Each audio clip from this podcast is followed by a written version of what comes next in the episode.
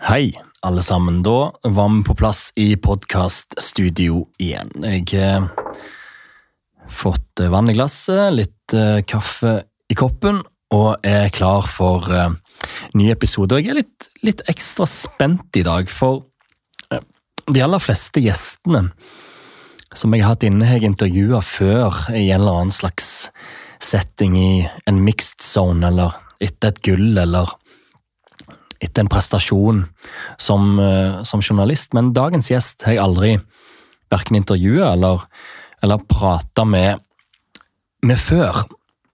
Han for det er en han. Han eh, representerer på mange måter en av de nye, de nye store.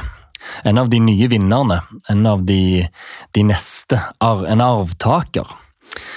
Det er alltid spennende å finne ut hvem det blir. Hvem som er klar til å ta talentet sitt et uh, steg opp, og foredle talentet til å ta steg opp i verdenseliten som, som, senior. Hvem er det som klarer å gjøre drømmer til virkelighet blant de tusenvis av unge jenter og gutter som drømmer om å lykkes i sin idrett?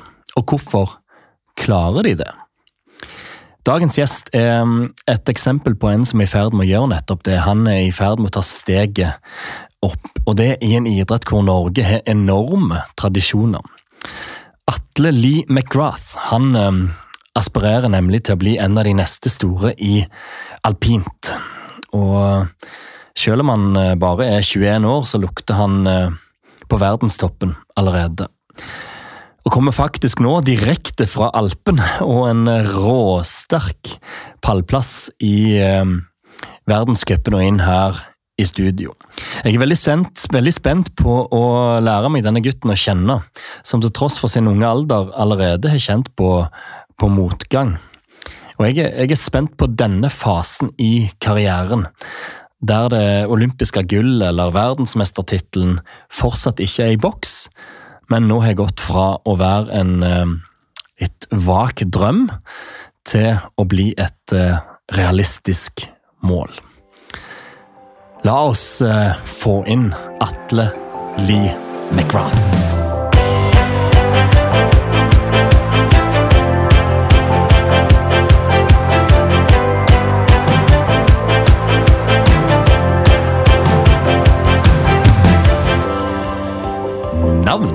Atle Lee McGrath. Idrett? Alpint. Moderklubb? Bærum skiklubb. Første konkurranseminne? Eh, det var et eh, lite morsomt renn i Tryvann. Ehm, hvor jeg faktisk vant mitt første renn. Det var Oi. fordi man kjørte på idealtid, så om å gjøre å kjøre like fort i første og andre omgang. Og jeg kjørte et hundredel forskjell begge ganger. så da vant jeg mitt aller første skirenn, og ja, det har kanskje litt å si. Hvor gammel var du da? Kanskje syv-åtte. Før jeg begynte å liksom trene. da. Ja, men en minne av en seier der, rett og slett. Minne av en seier. Jeg eh, var ikke på premieutdelingen, fordi jeg og pappa som dro meg med på det, vi gadd jo ikke å stå og vente på det, så vi var ute og kjørte. Kom vi tilbake en time senere, og så fikk vi beskjed at jeg hadde vunnet rennet. Gøy. Største opplevelse på idrettsbanen? Det må være å eh, ta min første pallplass sammen med alle lagkompisene mine som står i mål og heier mer enn det jeg gjør. Nå var det? Det var i fjor, i, rett før jul, i 2020. Jeg husker ikke akkurat datoen, kanskje rundt 20. desember. Kom ned, eh, tatt min første pallplass, eh, og første jeg ser, er kompisene mine som står i mål og bare klikker i vinkel. Deilig. Hjertelig velkommen til våre vinnere, Atle Lee McGrath. Tusen hjertelig takk.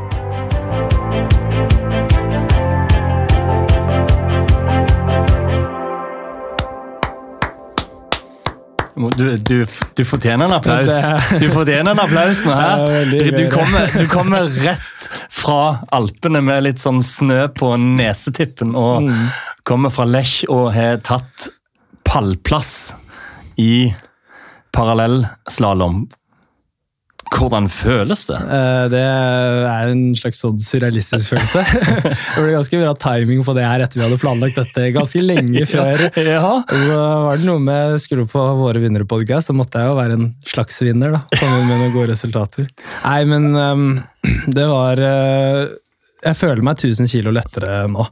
Man får jo veldig Når man kommer fra en sesong som i fjor, som var bra, men man blir satt på sidelinjen i så mange måneder, så får man jo spørsmålene på eh, om man fortsatt hører hjemme i dette sirkuset. Og det der å Mitt andre renn etter skade, eh, komme tilbake og være på pallen, det var helt, eh, helt sykt.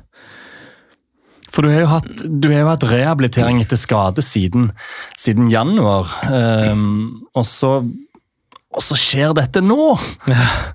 altså, hadde du i din villeste fantasi forventa at du skulle være oppe der og nikke allerede? Nei, det er jo en sånn, det er en sånn veldig vag drøm som man, som man har sittet med. Da, sånn under alle de tyngste treningsperiodene når jeg sitter og bare prøver å minne meg selv på hvorfor jeg driver med det her. For det er veldig vanskelig. Og når du føler at du bare betaler regninger og ikke får noe tilbake. ikke sant?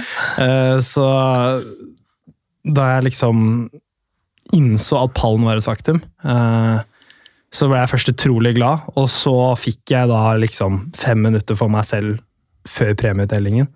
Og da måtte jeg bare legge meg ned eh, på liksom, snøen, og så så jeg opp i mørket, og bare Tårene bare begynte å renne litt, for å være ærlig. Det var liksom en sånn realisering at jeg har faktisk klart det. Eh, det jeg har sittet og drømt så mye om allerede i andre rennet mitt etter comebacket. Og Nei, det var veldig emosjonelt, og jeg tenkte liksom på alle folkene som har med meg, all den støtten jeg har fått, og all den jobben jeg har lagt ned selv, så det ble veldig sånn ja, eh, litt sånn eventyrøyeblikk som jeg føler man ikke har så mange av i karrieren. Men eh, jeg har nytt det veldig godt.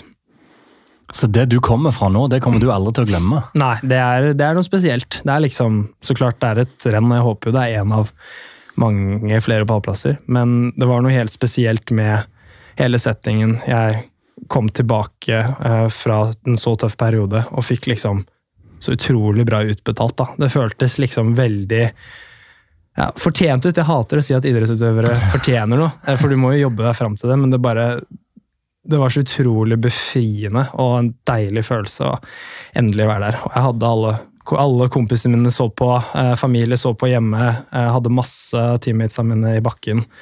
Så det ble liksom sykt hyggelig, da. Men du nevner det jo litt sånn overordna nå, men hvilke sånn, tanker er det helt konkret som går rundt oppi hodet ditt når du ser opp i mørket der? Det er, eh, det er faktisk en sånn eh, Man sier jo det er litt sånn der livet flasher forbi øynene dine øyeblikk. Ja. Eh, bortsett fra at nå var det de siste ti månedene som bare liksom suste inn. da. Ja. Um, alle de timene på Olympiatoppen, um, spesielt da sammen med Lukas, Lukas Bråten, um, kompisen min. Og alle de folkene som har hjulpet meg, liksom så alle for meg at jeg står jo her på grunn av dem, da. Um, og tenkte på familien min, og rett og slett bare liksom Hvor fett er ikke dette? Det er litt sånn uh, Jeg innså veldig i denne skadeperioden at hvis en idrettsutøver uh, kun venter på de gulløyeblikkene, og det er det man jobber for, det der ene øyeblikket i karrieren din hvor ting, alt klaffer, så er det øyeblikket borte før man har fått kjent på det en gang. Så jeg har liksom virkelig lært meg å måtte nyte reisen mer enn resultatene. Fordi det er det vi har. Vi har jo, sant, 99 er jo trening, eh, være på tur, eh, ikke konkurrere. Også det ene prosentet er jo det man egentlig lever for. Men jeg klarer å flippe skriptet litt og tenke på reisen. Og så når jeg er i det ene prosentet med ekte glede, da, som jeg var nå da, for to dager siden, da var det også bare å nyte det til det fulle. Ah, det var fine refleksjoner. Mm. Hvor, men hva er det som gjør at du har klart å, å zoome ut på den måten og komme til disse tankene? Ironisk nok så er det jo skaden, da. Ja. Faktisk. Um, jeg har jo hadde med meg ekstremt bra momentum inn i verdenscupen. Uh, I den 2019-2020-sesongen så klarte jeg å vinne Europacupen sammenlagt, som er B-nivå. da. Som var veldig stort for meg selv eh, å vise at jeg kunne. Og så kom jeg dundrende inn i verdenscupen i fjor eh, med samme momentum. Og så da skaden traff, så var det første gang eh, siden jeg begynte å stå på ski at jeg ikke kunne stå på ski. For jeg har aldri vært borti en sånn type skade.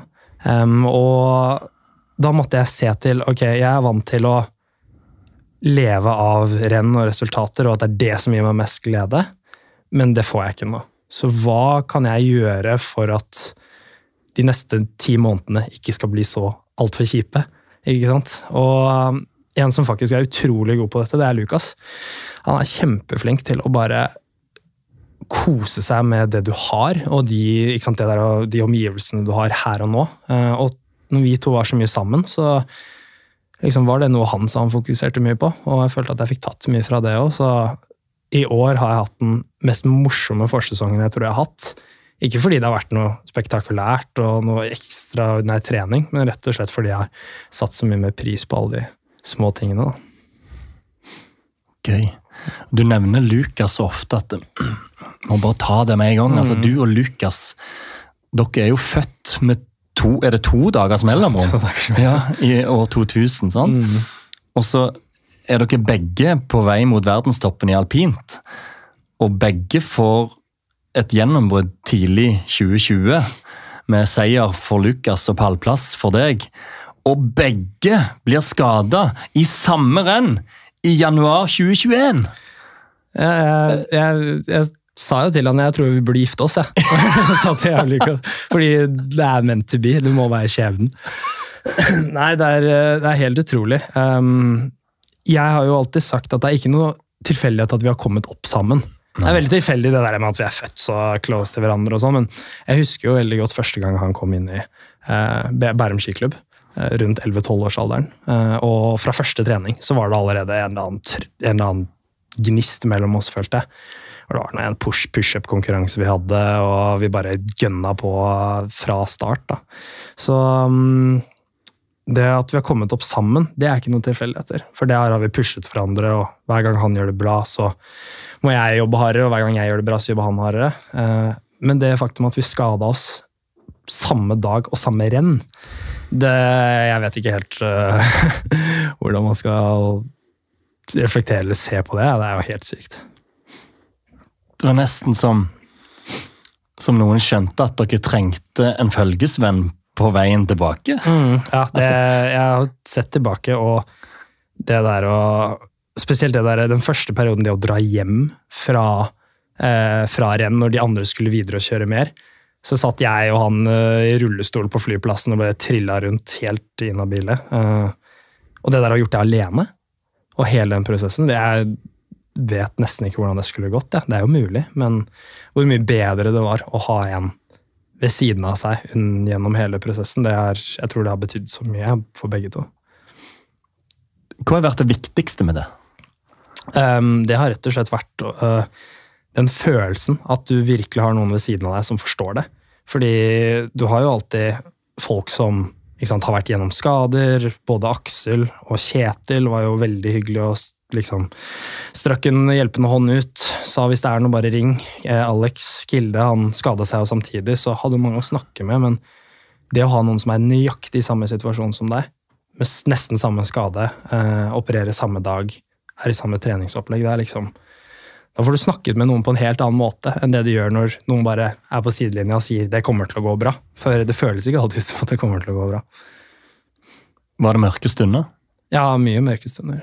Absolutt. Og det syns jeg er veldig viktig å eh, ikke legge skjul på.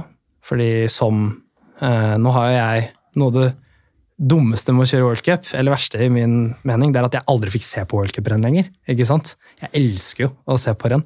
Så nå fikk jeg gå litt tilbake til den gleden av å se på renn og være tilskuer. Og da la jeg merke til hvor mye av ikke sant, Du ser kun toppen av isberget som tilskuer. Du ser de gode øyeblikkene. Um, og oss idrettsutøvere er litt for gode til å bare snakke om det, og ikke nødvendigvis hvor tøft det kan være. Så skal absolutt ikke legge skyld på at det har vært mye mye tunge stunder. Um, ikke bare sånn fysisk, men mest mentalt, da. Kan du beskrive en sånn mørk stund? Nei, det er jo Noen av de mørkeste dagene var jo um, å komme hjem fra Rett etter jeg skada meg, jeg kom hjem, lå på sofaen. Jeg måtte i ti dagers karantene før jeg fikk lov til å operere. Ja. Pga. korona. Um, og det i tillegg, sant? Jeg fikk ikke se noen venner. Um, jeg var låst inne. Uh, jeg hadde et bra nok kne til at jeg kunne trene litt. Så jeg prøvde å trene så mye som mulig for å unngå å bli for daff, da. Fordi vi vil jo Vi mister veldig mye eh, muskelmasse fort, da. Um, så det var liksom trene for å kun bare bli åpna opp med en kniv og bli eh, sagt, lagt på senga i to uker og bare sånn ja, Det føltes veldig, veldig håpløst ut. Um, og det er jo sånn Det er jo en sånn ekstremt mørk tid, da, hvor det var utrolig vanskelig å se noe mening i hva jeg drev med, og hvorfor jeg egentlig hadde lyst til å uh, holde på med dette. da. Hva var det som fikk deg til å skjønne at du ville holde på med det? da? Nei, det var øh, faktisk øh, mest liksom, støtte fra de rundt meg. øh, som fikk mye, veldig mye støtte fra lagkamerater. Jeg så mange av dem gjøre det veldig bra. mange av dem gjorde det bra i VM, bra i verdenscupen. Og det å se gleden deres, jeg føler jeg kan relatere veldig til det. og så var det også ja, liksom familien min som var der, vennene mine. Liksom kom innom. Eh, sendte meg fine meldinger. Alle fans som hadde sett, som sendte meg fine meldinger. Så det var liksom rett og slett ytre ting jeg måtte ta til bruk da, fordi den indre gløden føltes ganske slukket akkurat der og da. Du nevner at det var andre som var skada samtidig, bl.a. Eh, Alex Kilde. Og, og, Svindal har jo vært gjennom masse sånne skadeavbrekk som dette. Men hvordan tror du det er å oppleve dette på det stadiet du er i karrieren nå, sammenlignet med å gjøre når du, er liksom, når du allerede har tatt det gullet og allerede har vært i sirkuset noen år? Jeg, eh, nå, når jeg sitter her nå i dag, mm. så er jeg jo faktisk glad for at jeg har vært gjennom dette. Fordi, så tullete som det høres ut, så har jeg fått en vanvittig, vanvittig mye erfaring over de siste året. Eh, og en skadeperiode, det lærer deg å liksom kjenne ordentlig. Kjenne ordentlig etter kroppen. Jeg har fått tenkt, eh, tenkt, mye. Jeg har fått eh, lært ekstremt mye om meg selv, om hvordan kroppen min er. Om andre ting som kosthold, og liksom blitt en mye mer finslepen utøver, føler jeg. Så akkurat her jeg sitter i dag, så er jeg veldig fornøyd med at jeg har vært gjennom en skade tidlig. Fordi som sagt, det har puttet et litt annet perspektiv på ting, og har vist at ting flyter ikke alltid. Og når, da, når, det da endelig flyter igjen, så smaker det så utrolig mye bedre. Det er interessant, for det er, det er så mange historier om utøvere som var steingode i ung alder. Og så sitter de seinere i livet og snakke om men så kom den skaden. Mm. Og så ble det ingen karriere. Ja. Så på mange måter tenker jeg litt at en sånn periode kan skille litt klinten fra hveten. Eh, kan man kan si det. Og jeg mener det har mesteparten å si hvordan man ser på det. Eh, hva innstillingen er når du går inn. Enten så kan man tenke på det som en håpløs situasjon, som jeg gjorde i starten. eh, eller så kan man snu det til en fordel. Og med en gang jeg klarte å innse den skaden her, det her er en gyllen mulighet for meg inn mot neste sesong. Jeg får trent så mye mer enn alle de andre fysisk. Jeg får lagt en vanvittig base, et vanvittig grunnlag. Så når jeg kommer inn og møter de andre um, mot høsten igjen, da skal jeg være så klar. Og da skal jeg ha et forsprang, og det skal jeg aldri gi fra meg igjen. Det var litt den innstillingen jeg hadde, og mye av motivasjonen jeg brukte. Um, spesielt mot slutten, da jeg begynte å bli litt mer, begynte å trene litt mer ordentlig og så lys i enden av tunnelen. da. Hm. Og Da skjønner jeg jo mye mer av hvor mye dette betyr for deg, og hvor spesielt dette øyeblikket er. og Dette med kompisene og, og Lukas, den veien dere har gått sammen. og Jeg så en video på Instagram når kompisene dine kom, de kom inn med et flagg og jubla. Var dette tidlig i morgen? eller? Dette var i, dette var i går kveld. I går kveld? Jeg um, kjørte renn på søndag. Var helt utslitt. Uh, skulle fly fra Zürich og hjem til Oslo. Um, på mandag blir det. Og så i går kveld så satt jeg hjemme og lå i sofaen og var helt knokket. Det var liksom ikke ja, Jeg lå og eh, følte meg som en gammel mann som lå og halvsov foran avisen. ikke sant? Plutselig så hører jeg bare en dør åpne seg, og vill jubling. Kommer liksom flere av liksom mine nærmeste venner, da, var, det var Lukas og et par andre kompiser hjemmefra, inn og bare jubler og har tatt en plakat av meg og flagg. og Jeg ble helt paff. Jeg, det var sånn, jeg skjønte ikke hva som skjedde. Um, Det var så hyggelig å bli tatt, på, bli tatt sånn på senga. Så etter det dro vi ut, spiste, hadde det hyggelig, og så kom jeg hjem og bare passa ut i senga så hardt med en fantastisk følelse. Ja, det så, det så fantastisk ut. og Det er noe med det å, liksom, å få den anerkjennelsen av dine nærmeste. Mm. Og bare kjenne at ah, nå er vi der. Ja, det er veldig. Og jeg føler det er litt sånn Det som er så gleden med laget vårt, er jo at ikke sant? Hvis du gir mye, så får du mye tilbake. Og et godt eksempel var jo Sølden, hvor jeg følte at jeg Da hadde jo jeg ikke dagen. Kjørte kjørte i første omgang. Og så har Lukas comeback, sitt første comeback også. Og da gjør Lukas det kjempebra. Og Rasmus eh, Vinningstad også gjør det utrolig bra. Og det der å stå der og se at de gjør det bra, og liksom føle meg genuint glad på deres vegne, og være der og støtte, og alle de andre lagkompisene var der også. ikke sant? Det er sånn, Står der og er, heier ordentlig på dem. Og da, når rollene snus, og det var min tur til å gjøre det bra, det at de er der også, og heier uansett hvordan de selv har gjort det, det er så Det betyr så utrolig mye, da. Så det er veldig mye lettere å gi når du vet at du får også. Det vil jeg tro. Du, jeg har et klipp fra da Alexander og Mot Kilde var her, Mm. som jeg har lyst til å spille. Og hvordan dere, ja, dere, hvordan dere kjører på sammen. Ja. For det er virkelig et Det, liksom, det, det strutter samhold der. Og nå er det, det, det liksom det virker som det er tydelig at nå er det en ny gjeng som skal få den inn. Mm. Altså, ja, eh, det sier noe der. Og så tenker jeg med en gang på at eh, det er ikke Det er på en måte ikke eh, Hva, kaller man det? Forced på norsk. Tvungen. Ja, tvungen. Den er ikke påtvunget. Ja, påtvunget. Ja, den er, den er på en måte der genuint. Ja. Noe som jeg synes er utrolig kult, fordi du kommer dit på trening. Det er en gjeng som ikke sant? I dag så alle gjør forskjellige ting i helgene. Uh, og noen føler seg litt bedre enn andre. Og, men samtidig så er det bare trøkk. da. Eh, du kommer inn der og har lyst til å bare gi alt. Kommer du med tips Uh, Du står ikke alene og, og jokker på noen vekter. på en måte. Du, du er der sammen. da. Eh, og det, sånn er det hver dag. Uh, hele sommeren, uh, og ikke minst om vinteren. Da. Så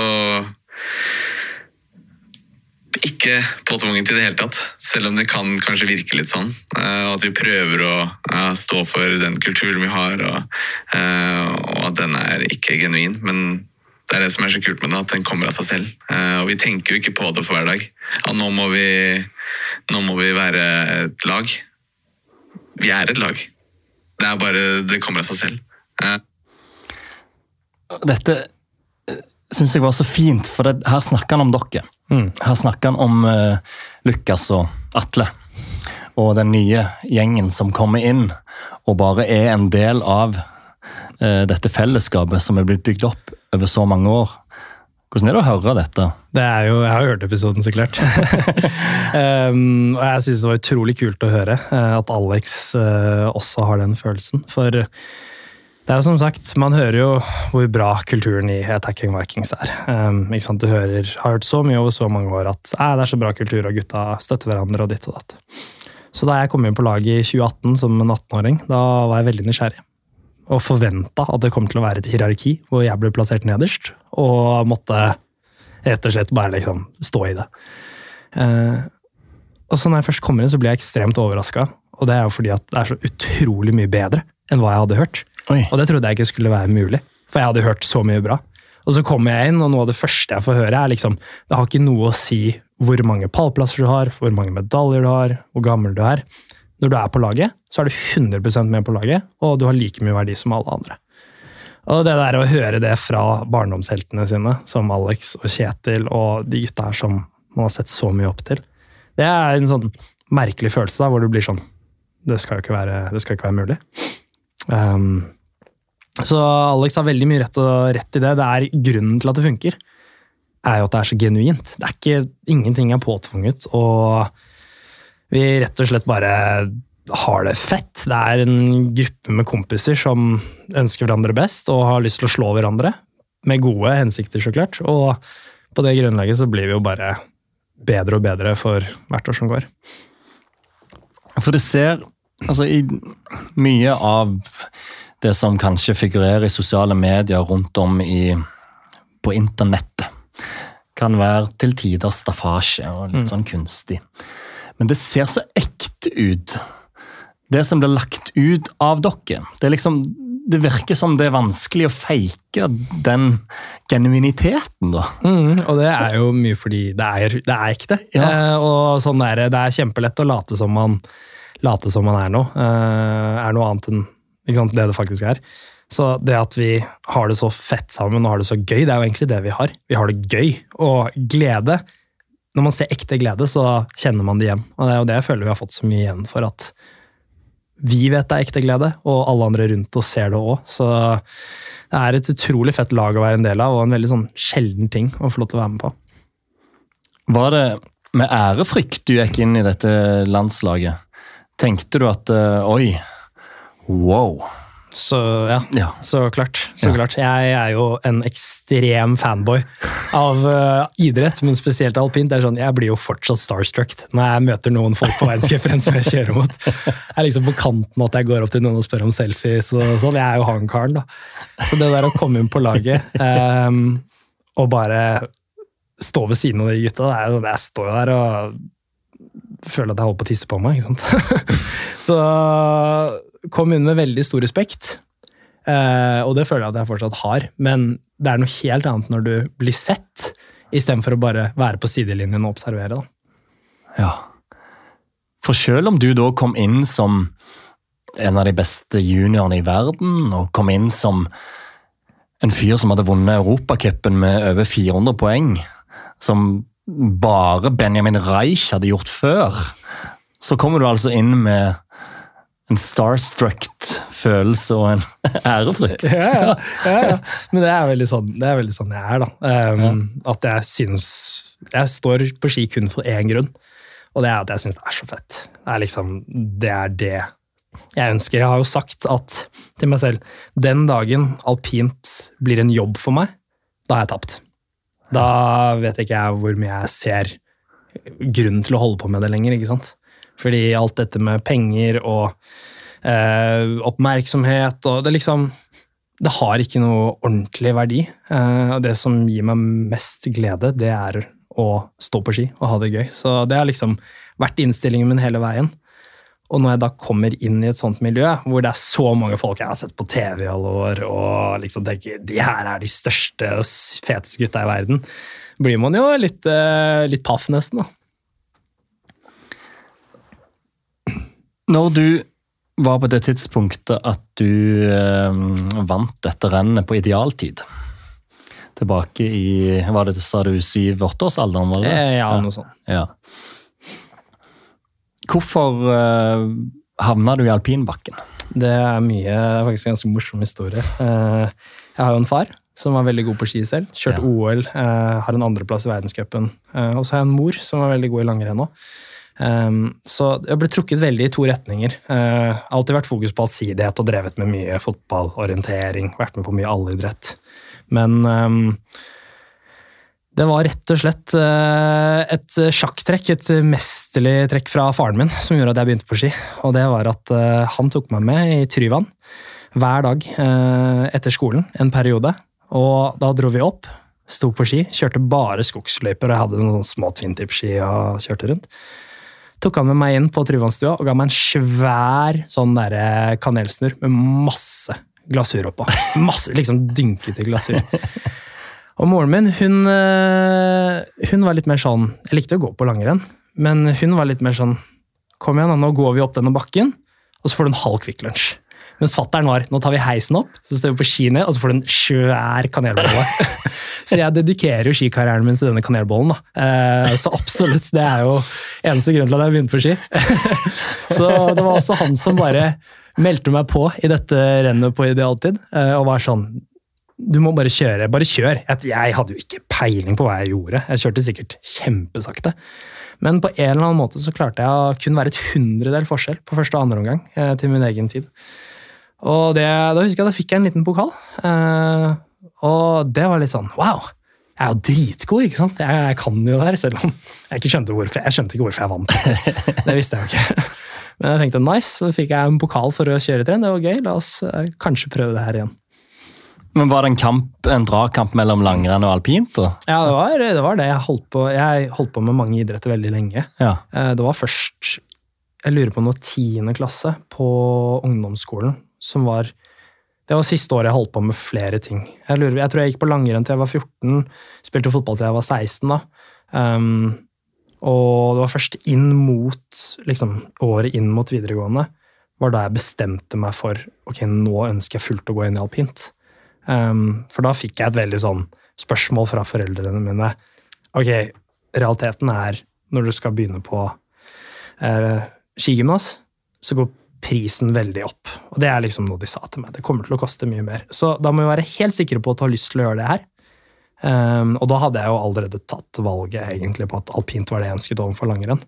Um, og det var liksom først da jeg følte at jeg ordentlig gikk helhjerta inn i dette, denne alpintgreia. Skjønner. Jeg regner med det fra din far dette McGrath-navnet kommer fra. For han, han er ikke fra Norge. Nei, han er ikke norsk. Nei, han er fra USA. Mm. Uh, og har du lært mye av han? Er det han som er mannen bak din mentalitet? Eller hvordan, hvordan vil du si den, den dynamikken var, eller er?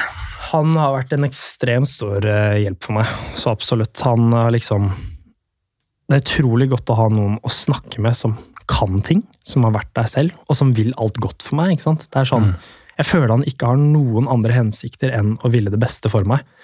Eh, Så en ting jeg er veldig veldig glad for, det er at han har alltid sagt til meg jeg kommer aldri til å være han karen som følger deg liksom rett bak deg hele veien.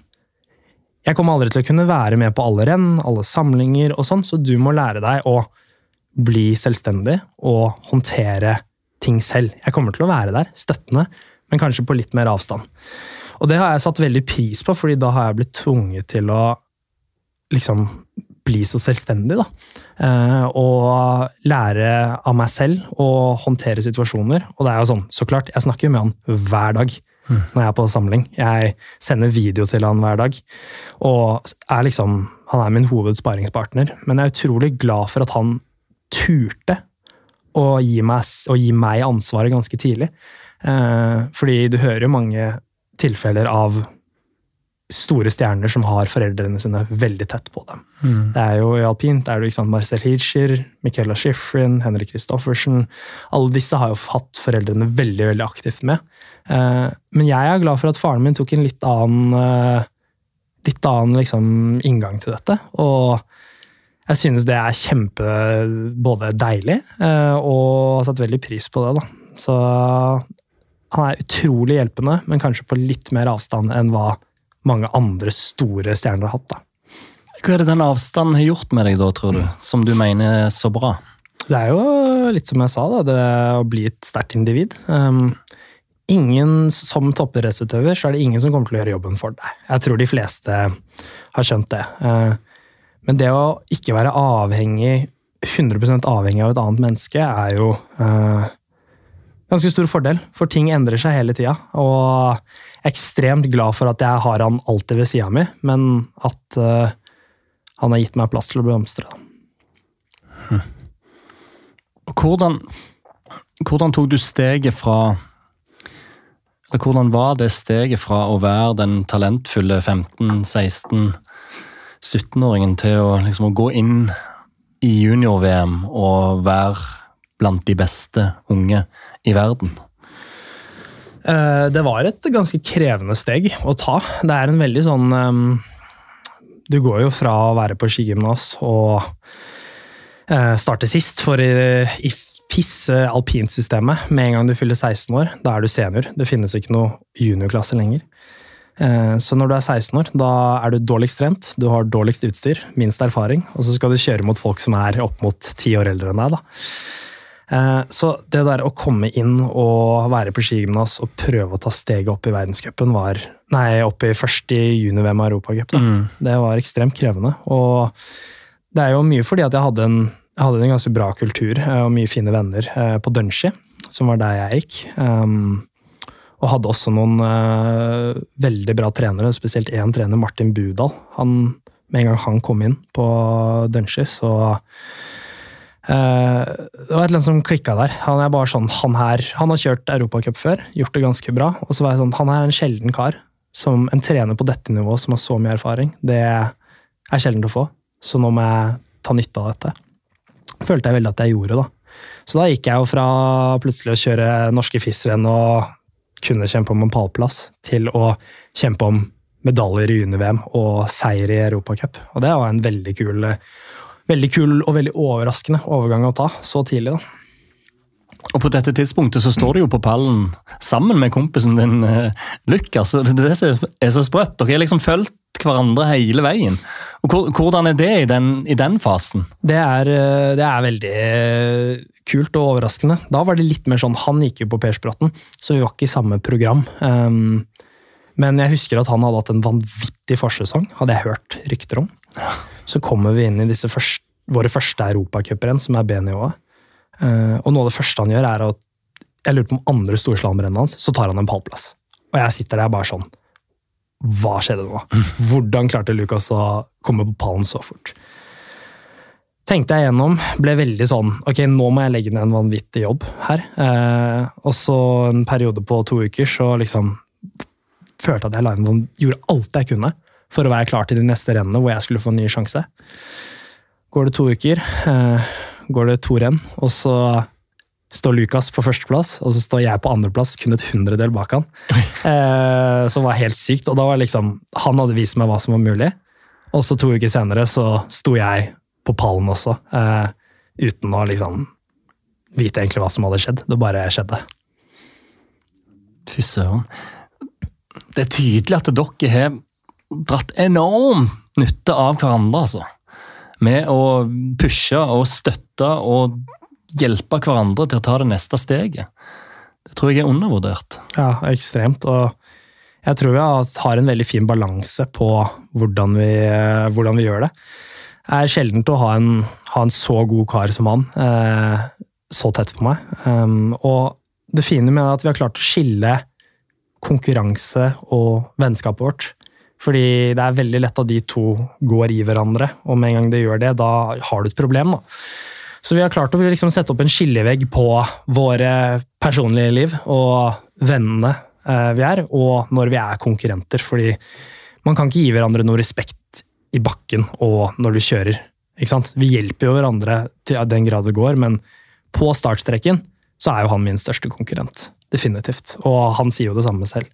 Men det der å ha klart å skille vennskap og profesjonelt, det har vært helt gull da, for å få til dette. Har det noen gang vært utfordrende? Ja, absolutt. Det, ting er ikke perfekt. det, føles ut, det høres ut som et perfekt vennskap vi har, og at ting er så bra, men vi har grunnen til at det har funka, er at vi har hatt så vanvittig mange hodestanger mot hverandre. ikke sant? Det har vært så mange ganger vi bare har blitt sure på hverandre. Han har vært dritirriterende i mine, i mine tanker eh, og alt. Men til slutt så setter vi oss alltid ned og snakker med hverandre. Og er sånn Hvorfor skjedde det her nå? Hva kan vi gjøre annerledes? Og så går vi videre og lærer. Og dette er mye mer på et personlig nivå enn på et idrettslig nivå. da, Så det er det som har gjort det så, så bra, da. Hva er den største forskjellen mellom vennen og konkurrenten? Han er, eh, jeg synes jo han er helt lik nå som det han var da han var 11 år gammel. det er ikke noe spørsmål. Det er masse energi. Eh, vært utrolig eh, liksom, Han er jo, sitter jo aldri stille. Veldig liksom kreativ av seg. Eh, største forskjellen er jo at han har en Han er ganske god til å se relativt lett på ting eh, sånn utenom alpint. Er, han har jo sykt konkurranseinstinkt, og det er visse ting sånn skal du spille Fifa mot Lucas, da er det jo bare å putte på ørepropper og prøve å unngå å høre lyden, for han skriker så høyt. Men eh, det er liksom han er en veldig sånn har et veldig avslappa forhold til ting eh, utenfor eh, idrett. Og så når han kommer inn, så er han en helt annen liksom, Det er som om han har blitt en monster da, som bare er helt killer og gjør alt han kan for å bli så god som mulig. Så det er En fin, eh, god kombo, men det hadde vært slitsomt om han skulle være den der eh, idrettsutøveren hele tida. Så veldig glad han ikke er det. Og da peiler dette meg inn mot din største opplevelse på idrettsbanen. Altså der i tidlig i sesongen 2020, der Lukas, som du snakker om, vinner sin første verdenscupseier i Sølden i oktober, og så får du din første pallplass i desember. Dra oss igjennom hvorfor den opplevelsen var så kruttsterk. Jeg hadde hatt en veldig tøff forsesong i fjor. Jeg hadde skikkelig problemer med ryggen, som jeg aldri hadde hatt før. Eh, så jeg sto nesten ikke på ski. Lukas var i kjempeform. Han drar inn i første rennet, som er liksom første renn etter korona. Helt andre omgivelser, ingen tilskuere. Eh, og så går han ned og vinner. Og da står jeg der bare sånn Wow! Nå har Lukas tatt sin første pallplass, sin første seier. Og jeg står her uten eh, World Cup-poeng engang i storslalåm. Hadde ikke kommet meg til en andre omgang. Så da øh, Da var jeg sånn Ok, nå må jeg skjerpe meg. Neste perioden igjen ligger det masse hardt arbeid. Kjempefokusert på de små detaljene. Kommer inn i neste rennrunde et par måneder senere tar mine første poeng eh, i storslalåm. Får nesten min første topp ti. Så kommer jeg inn i dette rennet her, da. Det er Alta Badia var det. Det er kanskje den tøffeste og mest spektakulære storslalåmbakken i verden og verdenscupen. Eh, det er liksom, det er mørkt, det er bratt, langt, masse hjørner. Det er liksom en slange som går nedover bakken, går nedover fjellet, da. Og så står jeg på start, og så kjører jeg hva jeg tror er en halvveis førsteomgang. Eh, hvor jeg gjør et par feil på toppen, kjører greit i midten, og så gjør jeg en megafeil i bunn. Og Da husker jeg at jeg tenkte nå, eh, med denne feilen, da kommer jeg ikke til andre omgang. Det er ikke sjans. Jeg blir ikke topp 30, og dagen min er over. Kommer jeg inn i mål, ligger på fjerdeplass. Fra start nummer 29. Jeg bare Hva? Hva er dette for noe? Det skal ikke være mulig. Ser jeg litt på mellomtider og analyserer, og så er jeg sånn jeg Ok, det var jo kjempebra kjørt, men nå er det viktig at du ikke får helt overtenning og skal overgå deg selv. For det du gjorde, var veldig bra, da. Så da sitter jeg mellom omganger. Jeg har aldri ligget bedre enn liksom 20.-plass etter en første omgang, og nå ligger jeg plutselig fire. Sitter jeg mellom omganger og så er jeg sånn Hva kan jeg gjøre nå for å ikke bare ja, drite på meg av nervøsitet? uh, og da var jeg sånn, vet du hva, nå kler jeg av meg alle klærne mine. Så går jeg og tar på meg shorts og T-skjorte, og så bare setter jeg meg ned i en sofa og halsover og ser på litt langrenn. Og jeg gjør det, rett og slett. uh, og da er det sånn nice, det her er et renn, det er fett. Nå må du kose deg litt, da. Er meg klar, drar opp på start. Uh, da kommer jo nervene noe så sykt, da. Og så står jeg der, og så Jeg ligger jo fire, og da lå jo Lukas lå fem, og Leif Kristian Haugen lå seks. Og det morsomme var at den startrekkefølgen vi hadde på trening hele den perioden, det var Leif starta først, så Lukas, og så meg. Og det var samme rekkefølge vi hadde i rennet for andre omgang. Står jeg der, da, og forskjellen i verdenscup er jo at da er det fort to og et halvt eller tre minutter mellom hver løper. Så du får noe vanvittig tid til å tenke. Og det er ganske skummelt når vi kjører om hundredeler. Det er, går fort. eh, Det er mye som kan gå feil. Og forskjellen på et tidel og ikke, det kan være liksom forskjellen på pallen og en seier. Så da ser jeg de to gutta kjøre, og så er jeg bare sånn Vet du hva, det her er jo akkurat det jeg har drømt om i så mange år. Stå igjen, kjempe om en pallplass. Um, og da var jeg sånn, ok, det verste jeg vet, det er å kjøre ned, kjøre forsiktig, og så være skuffa når jeg kommer i mål.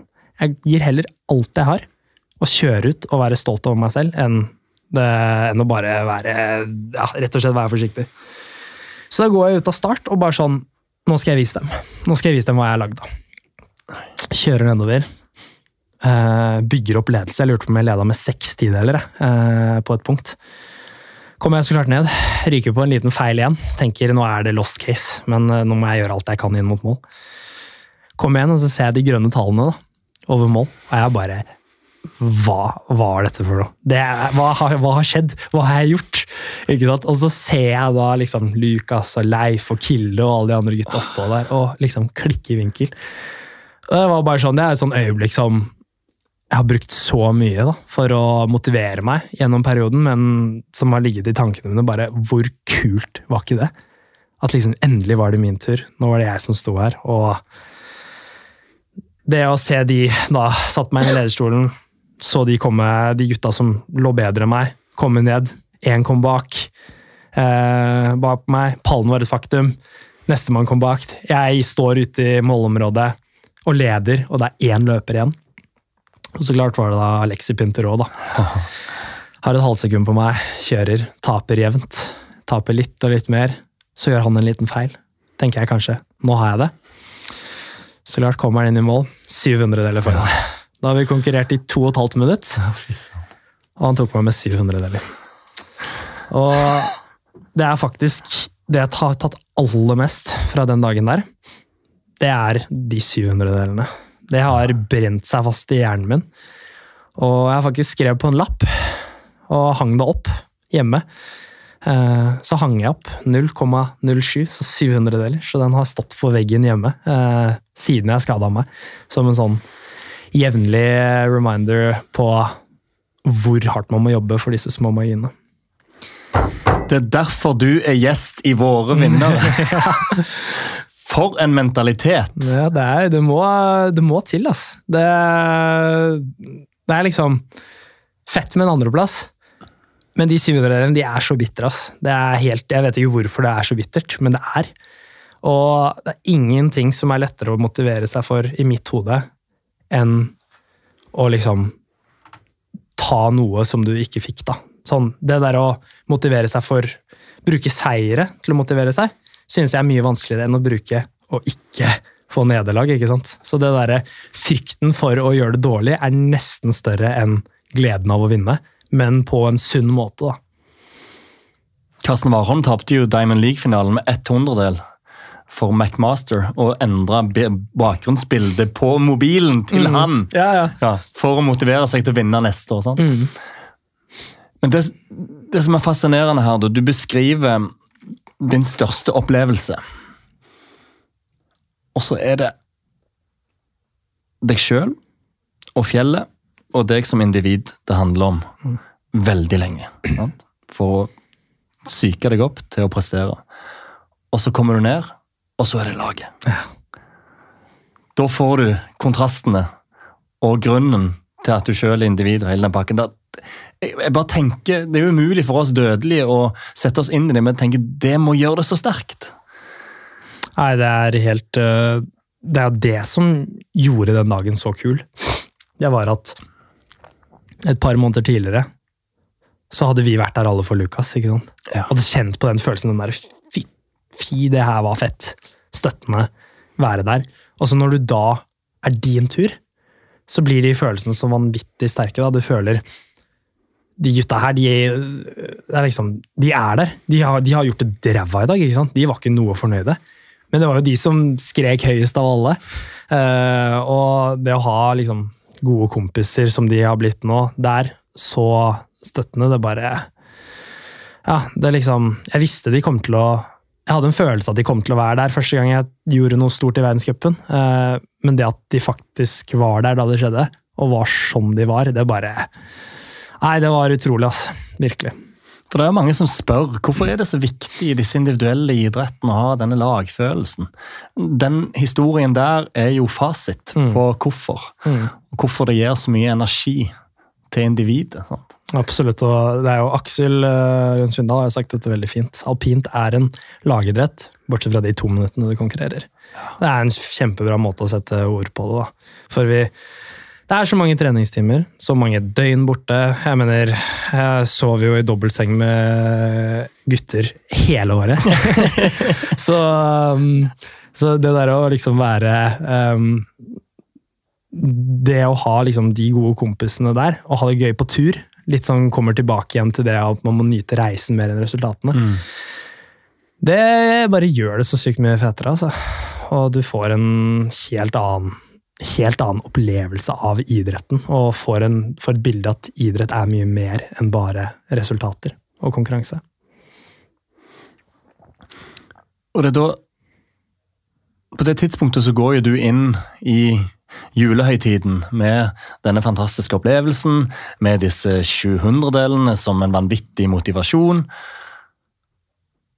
Og så kommer nedturen. Ja, det, det, er den største kontrasten jeg noen gang har følt i livet mitt. Det var eh, ja, vanvittig utladning inn i juleferien. Fikk fem dager hjemme på hytta på Grytefjell med familien. Og så måtte jeg fly igjen, da. Fløy vi ned til Østerrike. Uh, jeg uh, feira nyttår der nede med gutta på laget. Ble jo så klart stusslig, men vi hadde hverandre. Um, drar og trener, og så var det da liksom Jeg tror det var en onsdag. Uh, så var vi i Kroatia for å kjøre et kveldsrenn. Eh, det gikk ganske bra, kom meg til andre omgang, gjorde litt feil, ble, jeg lurer på om jeg ble rundt 15. Um, og var liksom tilbake på hotellet klokka ti. Morgenen etter drar vi opp, steller oss på et fly fra Kroatia til Sveits.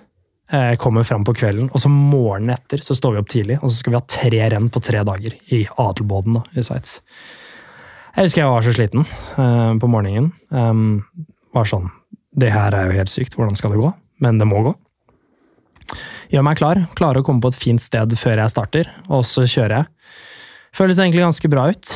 Kommer rundt 20 sekunder inn, og plutselig så var det et eller annet som skjedde. Jeg, vet, jeg fikk det ikke med meg der og da, men jeg følte en vanvittig drag eh, gjennom hele kroppen. Eh, og før jeg rakk å tenke på hva som skjedde, så lå jeg i nettet som en fisk og liksom sprella. Og hadde så vondt i hele kroppen. Jeg hadde mista pusten, for jeg hadde blitt piska av en port. Og hadde liksom Jeg var sånn Jeg må jo blø et eller annet sted, det var følelsen min, for det gjorde så vondt. da. Eh, kommer meg opp på beina etter litt hjelp, tar på meg skia. Og så tenker jeg nå sitter sikkert mamma hjemme og er livredd, så da vinket jeg til kamera og ga en tommel opp fordi jeg trodde jeg var frisk. Ja. Kjører ned på egen maskin. Ja, jeg så de bildene. Eh, kommer inn i målområdet tar av meg skia, og første steget jeg tar ut av skia, så får jeg sånn whiplash i kneet. Kneet sklir helt ut av posisjon. Og da var jeg sånn Oi, hva er dette? Jeg har aldri opplevd noe, noe lignende. Så jeg um, Ja, det var Da innså jeg Da fikk jeg en magefølelse som jeg aldri har hatt før. Det var ikke vondt, men dette var en magefølelse på at noe er ordentlig galt. Uh, blir sjekka drar eh, Ting føltes egentlig ganske stabilt ut der og da. Fordi jeg tror det var mye blod inni der, og det satt ganske godt. Går tilbake på hotellrommet, um, legger meg og er egentlig litt sånn satt ut. Sånn, hva skjedde egentlig? Nå er det noe ordentlig galt. Sitter jeg og ser på andre omgang. Kommer Lukas ned. Tryner så hardt over mål, og jeg vet at han er ute for sesongen med en gang det skjer. Jeg trenger ikke å høre noe. Jeg visste han var ferdig. Og da det skjedde, det var først da det traff meg hva som hadde skjedd med meg òg. Og det bare Det krasja skikkelig hardt. Jeg bare Hvordan kan dette skje? Hvordan er det mulig? Hva skjer nå? Han ble jo frakta av gårde på båre og sykebil med en gang. Jeg måtte eh, dra ned, ta MR. Komme tilbake, og så er liksom så å si kollektivt at vi får beskjeden at takk og farvel, eh, vi ses neste år. Og det var en ganske stor kontrast da, fra å ha gått eh, fra høyeste punkt i karrieren til ja. desidert laveste i løpet av to uker. Og da er vi der på det punktet vi snakket om tidligere, med disse karantenedagene før operasjonen og veien, den tunge, lange veien sammen med, med Lukas. Mm. Og så følger jo denne rehabiliteringsperioden, som da ender opp med at du ligger i Alpene og ser opp i mørket og får disse tankene du så fint beskrev. Og vi får nok en gigantisk kontrast. Livets og idrettens kontrast, kontrast bare med to streker under svaret. Mm. Er, du er 21 år, og du har opplevd alt dette allerede. Hva gjør det med deg? Kommer du til å takle det? Kommer du, hvordan kommer du til å takle det? Jeg er veldig sånn fan av at alt man gjør, skaper erfaring. Ja. Det, liksom, det, har vært en mentalitet jeg har hatt hver gang jeg stiller på start, hver gang jeg er nervøs, hver gang det er et eller annet som skjer i livet mitt. Uansett hva det er, så gir det meg en erfaring. Og så lenge jeg er bevisst på det, så kan jeg ta noe positivt ut av alle situasjoner. Og det er den mentaliteten jeg har hatt da, gjennom Mm. hele perioden. Og det der å liksom være bevisst på ok, nå er det så dritt, nå føles alt håpløst ut. Men nå er jeg gjennom det. Nå er jeg i en situasjon hvor jeg lærer. Lærer om meg selv og alt. Og da blir det liksom lettere å komme inn i en situasjon eksempel, jeg kommer til å ha vanskelige tider, og jeg kommer til å ha gode tider eh, framover. Og når jeg kommer inn i disse tidene, da er det sånn Jeg har vært i noe lignende før, så da må jeg prøve å ta med det jeg har lært, og se hva jeg kan bruke det til for å gjøre denne situasjonen enda litt bedre. da. Så det er det som er så utrolig kult eh, med idrett. Man, idrettsutøvere lever for de gode dagene. Eh, Men det er utrolig viktig å ikke bare kaste de dårlige dagene i søppelen, søpla og gå videre. Man lærer mest fra de tøffe tidene, og det er egentlig det som jeg føler har hjulpet meg liksom, og fått meg så langt som jeg har kommet nå. Hva blir det viktigste nå, da? For altså, du har jo tatt noen sånn tydelige steg opp gjennom karrieren, som har snakket om, fra, fra junior til senior, og fra, fra å være nest best til å bli best. Så, men det steget som du nå skal ta de neste årene, fra å være en verdenscup-pallplassutøver til å sitte med dette VM-gullet, eller dette olympiske gullet, hva blir det viktigste videre nå? Det er eh, to deler av dette svaret. Det ene det er å aldri bli komfortabel for min egen del. Alltid søke etter de 700 delene, ikke sant. eh, eh, og rett og slett ta så mye ut av reisen som mulig. Kose seg med de gode dagene, de dårlige dagene. Og jeg føler jeg har en veldig god idé på hva jeg trenger å gjøre for å nå de målene jeg ønsker. Og den andre tingen, det er jo folkene jeg har rundt meg. Det å være mye med venner, ha en, en fantastisk støttende familie, eh, og spesielt da lagkameratene mine. Bruke det for alt det er verdt. For det er jo til syvende og sist det er de som står der, og det er de som man får mest glede av. Så det er begge de to tingene der som kommer til å være utrolig viktig for at jeg kan fortsette å ja, få bra resultater, men i hovedsak fortsette å ha det gøy. For det er det som er det aller viktigste for meg. Så er det et intervju jeg husker med deg og Lukas, der Lukas sier at han skal bli den neste, og så sier du nei, jeg skal bli den neste. Er det noe i veien for at dere kan bli de neste? Det er faktisk fin. Jeg har aldri hørt de neste. Den likte jeg litt. Um, jeg og Lukas har egentlig bestemt oss for å legge den død i år. Den der 'Hvem er den neste?' Fordi det ble altfor alt for mye spørsmål om det. Men det er ingenting i veien for at vi begge to kan uh, bli de neste. Og det er egentlig det jeg håper. Så takk for den. Den skal jeg begynne å bruke. Nydelig. Og tusen takk for at du, Atle Lee McGrath, ville komme til våre vinnere. Det ble en, en nydelig prat. Ja, tusen takk for at jeg fikk komme.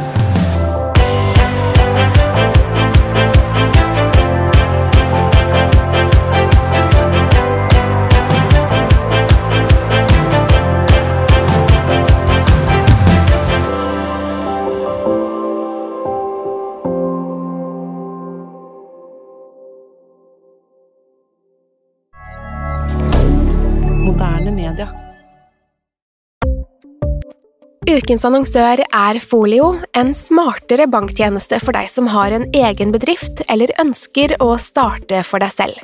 Folio er en superenkel nettbank for bedrifter. Som kunde i Folio får du en bedriftskonto med et bedriftskort og app. I denne appen er det smarte løsninger som forenkler regnskapet ditt, uansett om du har en liten bedrift eller et enkeltpersonsforetak. Folio er både intuitivt og brukervennlig, og er laget med et enkelt språk. I tillegg tilbyr de forutsigbare priser og ingen skjulte gebyrer. Skulle du likevel trenge det, så kan du snakke med deres raske og hyggelige kundeservice, og der får du prate med en faktisk person og ikke en chatbot. Folio er med andre ord både enklere og koseligere enn banken. Over 10 000 bedrifter har allerede valgt Folio som sin banktjeneste, så besøk folio.no og se hvordan Folio kan forenkle din hverdag også.